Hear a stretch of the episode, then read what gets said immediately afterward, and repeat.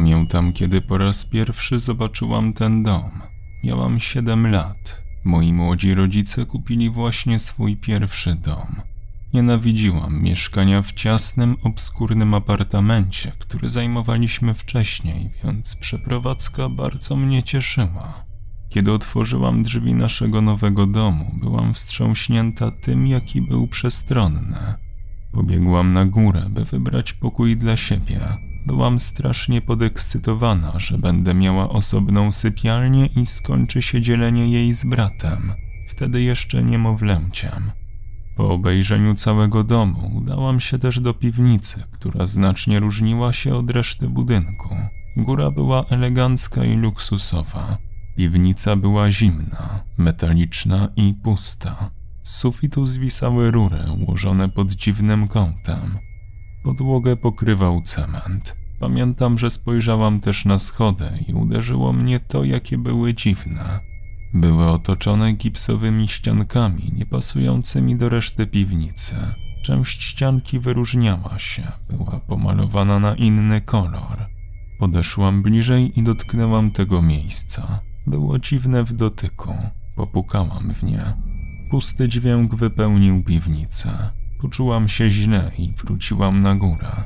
Kiedy już urządziliśmy się w nowym domu, zaczęłam czuć się w nim swobodnie. Dom zaczął być dla mnie znajomy, oczywiście poza piwnicą. Po prostu zawsze sprawiała, że czułam się dziwnie, więc unikałam jej jak mogłam. Moje życie nie mogło być lepsze. Moi kochający rodzice opiekowali się mną i bratem. Wszystko było jak należy. I wtedy się zaczęło. Słyszałam zabłąkane dźwięki. Kiedy wspomniałam o tym rodzicom, kazali mi je ignorować. Podobno były to standardowe dźwięki wydawane przez dom. Pewnej nocy poczułam, że coś naprawdę nie jest w porządku. Zeszłam do kuchni po coś na ząb. Kiedy zamknęłam lodówkę, usłyszałam odgłos pukania. Wychyliłam się za róg, żeby zobaczyć skąd pochodzi i zamarłam w przestrachu. Dźwięk dochodził z piwnicy. Podeszłam do drzwi i otworzyłam je. Tylko ciemność. Nadstawiłam uszu i znów to usłyszałam. Taki sam dźwięk wydawało moje pukanie w ścianę pierwszego dnia w nowym domu. Włączyłam światło i ruszyłam na dół po schodach. Pukanie nie cichło, a mnie obleciał strach. Uciekłam z powrotem do swojego pokoju i ukryłam się pod kołdrą. Przeczekałam tak do rana. Pamiętam schodzenie po tych schodach. Wszyscy jeszcze spali, a ja ruszyłam do salonu, aby zagrać na Nintendo. Po drodze minęłam drzwi do piwnicy. Były zamknięte. Pomimo tego, iż poprzedniej nocy byłam na granicy paniki, to dobrze pamiętałam, że zostawiłam je otwarte i nie skasiłam światła. Tłumaczyłam to sobie logicznie. Moja mama z pewnością schodziła na dół z jakiegoś powodu. Musiała zamknąć drzwi i zgasić światło. Granie w Super Mario pochłonęło moje myśli bez reszty. Później wspomniałam o wydarzeniu moim rodzicom, którzy zapewnili mnie, że dźwięk, który słyszałam, to tylko zwykłe odgłosy w rurach. Byłam pewna, że to nieprawda, ale wolałam przyjąć ich wyjaśnienie. Po około miesiącu moja mama poprosiła mnie, żebym przyniosła pranie z piwnicy. Z niechęcią powiedziałam, że to zrobię. Był środek dnia i minęło sporo czasu od ostatniego wydarzenia, ale wciąż czułam się niepewnie. Zapaliłam światło i zbiegłam po schodach. Słyszałam echo moich kroków. Oblał mnie zimny pot. Podeszłam do suszarki, zdjęłam z niej koszyk i zapakowałam do niego pranie, po czym rozejrzałam się wokoło. Niczym niezmąconą ciszę przerwał ledwo słyszalny szept. Najpierw pomyślałam, że ktoś woła mnie z góry, ale to nie było to. Ten głos dochodził spod schodów w piwnicy. Stałam jak sparaliżowana, kiedy głos stawał się głośniejszy. Ucichł tak szybko, jak się zaczął. Podeszłam do schodów, wpatrując się w część ścianki pomalowanej na inny kolor. Kiedy pokonałam pierwszy stopień dzielący mnie od ucieczki od tego koszmaru, wydarzyło się coś, czego nigdy nie zapomnę. Usłyszałam głośny huk i schody się zatrzęsły, prawie powalając mnie na ziemię. Wybiegłam z piwnicy tak szybko, jak tylko to było możliwe. Opowiedziałam rodzicom, co się stało, trzęsąc się i płacząc. Z całych sił próbowali mnie uspokoić, ale tak naprawdę żadne z ich słów nie mogło pomóc. Powiedziałam, że nigdy więcej nie wejdę do piwnicy. Rodzice widzieli ogromny strach na mojej twarzy i już nigdy mnie tam nie wysłali. Po kolejnych trzech miesiącach wszystko wróciło do normy i znowu byłam szczęśliwa. Pamiętam, jak podniosłam mojego małego brata, Jonathana. Smoczek wypadł mu z ust. Przytuliłam go mocno i zapamiętałam jego zapach. Ten zapach, jaki wydzielają dzieci. Pozory szczęścia rozleciały się jednak jak domek z kart w nocy 2 lipca. To wtedy Jonathan zaginął. W jego łóżku znaleziono kartkę z żądaniem okupu w wysokości 20 tysięcy dolarów w gotówce. Poza tym ktoś zagroził rodzicom, że jeśli zawiadomią policję, Jonathan umrze. Mama i tata zamknęli się w swojej sypialni i kłócili się głośno, co powinni zrobić, a ja z płaczem słuchałam ich ostrych słów. W końcu moja mama przekonała ojca i zadzwonili na policję. Przestudiowali notkę, znaleźli miejsce, gdzie miały zostać dostarczone pieniądze i założyli podsłuch. Na wypadek, gdyby porywacze zdecydowali się zadzwonić ponownie. Zapytałam policji i moich rodziców, czy dostatecznie dobrze przeszukali mieszkanie i sprawdzili, czy na pewno mojego brata w nim nie ma. Zapewnili mnie, że to zrobili i że Jonathanowi nic się nie stanie, ale ta myśl już została we mnie zaszczepiona i nie opuści mnie przez całe życie. Moi rodzice zastosowali się do zaleceń policji w stu procentach. Mijały tygodnie i nie otrzymywaliśmy żadnej informacji o Jonathanie, a moi rodzice balansowali na granicy szaleństwa. Moja mama obwiniała się, że przez wciągnięcie w sprawę policji nie odzyska syna. Pewnej nocy szlochała i samotnie piła wino. W końcu zdecydowałam się opowiedzieć jej o mojej teorii, która wciąż kołatała mi się w głowie.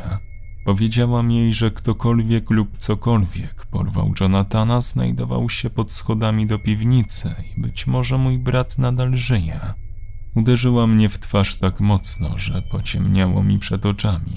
Wrzeszczała na mnie. Kazała mi przestać gadać głupotę i po prostu zaakceptować, że Jonathan został porwany przez zwyrodnialca i nie żyje. Moje dzieciństwo umarło tamtego dnia. Pamiętam, jak rozmyślałam nad wzięciem młotka i sprawdzeniem tego, co jest pod schodami.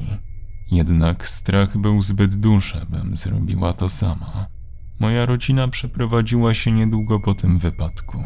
Rodzice się rozwiedli.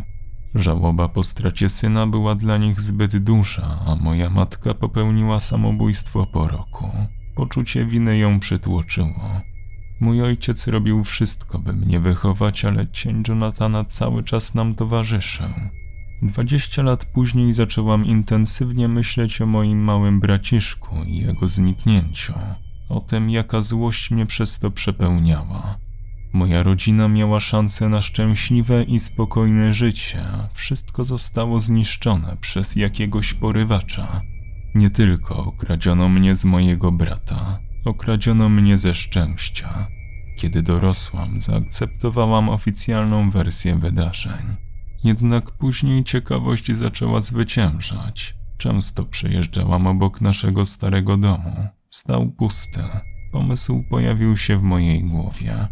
Włamałam się do tego domu. Dodałam sobie odwagi alkoholem.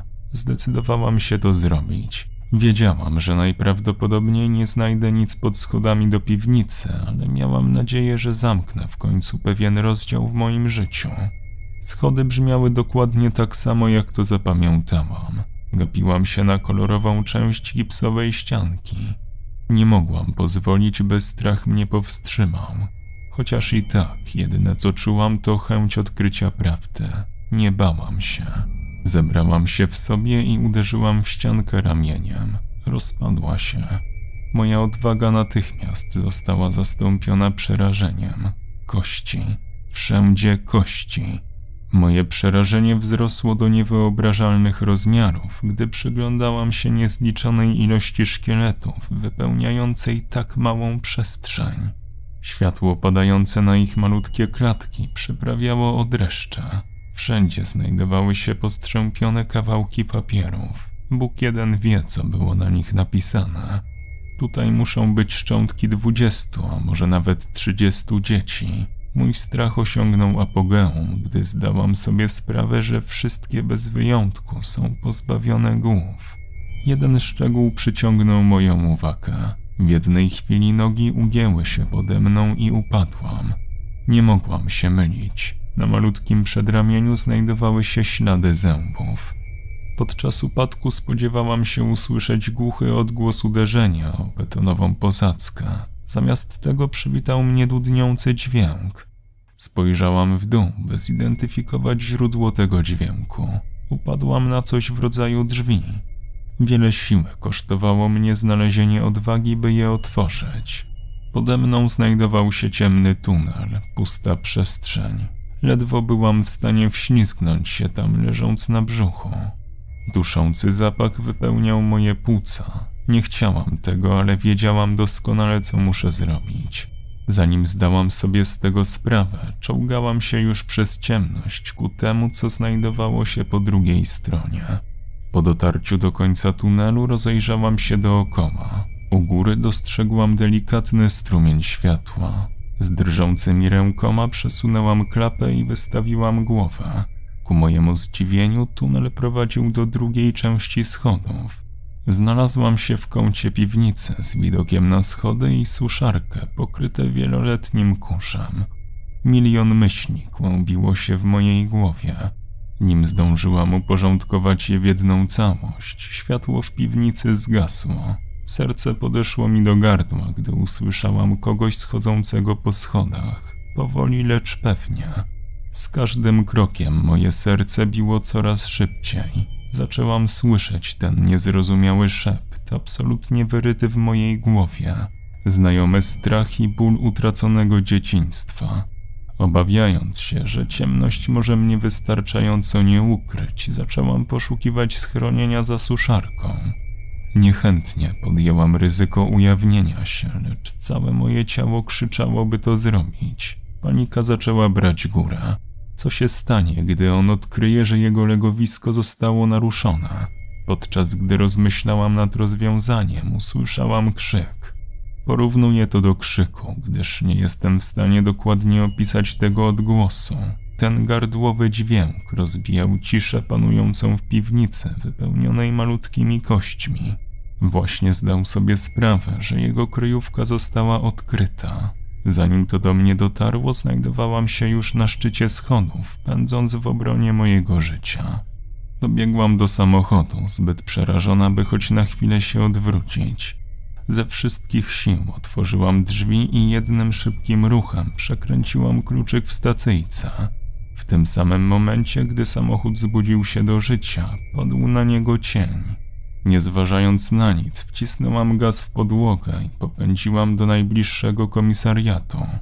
Ledwo dysząc, starałam się opowiedzieć wszystko pełniącemu dyżur oficerowi. W połowie upadłam na podłogę. Minął miesiąc. Następnego dnia po mojej wyprawie policja wszczęła dochodzenie i dokonała tego samego makabrycznego odkrycia. Otrzymałam wylewne podziękowanie od policji i społeczności. Dzięki temu odkryciu będzie możliwe zamknięcie wielu nierozwiązanych spraw.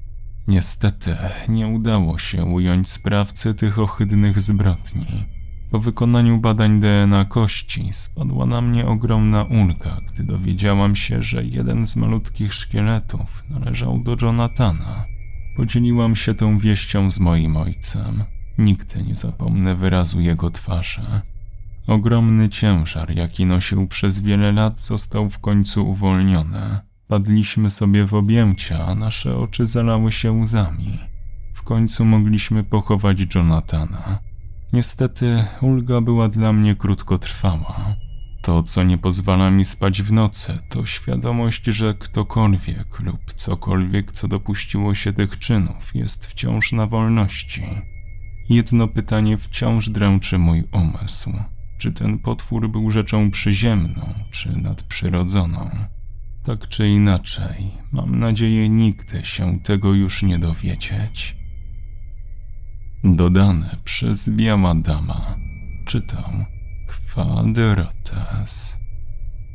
Patroni odcinka to Krzysztof Drozdowski, Kalusia, Syrenka Ladacznica, Brutal Drop, Jojo Moto, Arkadiusz Waszkiewicz, Wojti 262, Sebastian Król, Anna Rachowa, Michał Paszkiewicz, Gregory Kos, Laki Gusi, Jan Bartol, Roxana Dąbrowska, Karolina Mizgała, Mateusz Z, Reker.pl, Kapi YouTube, Misiaczkowa, Daniel A oraz Fra Martin. Do usłyszenia.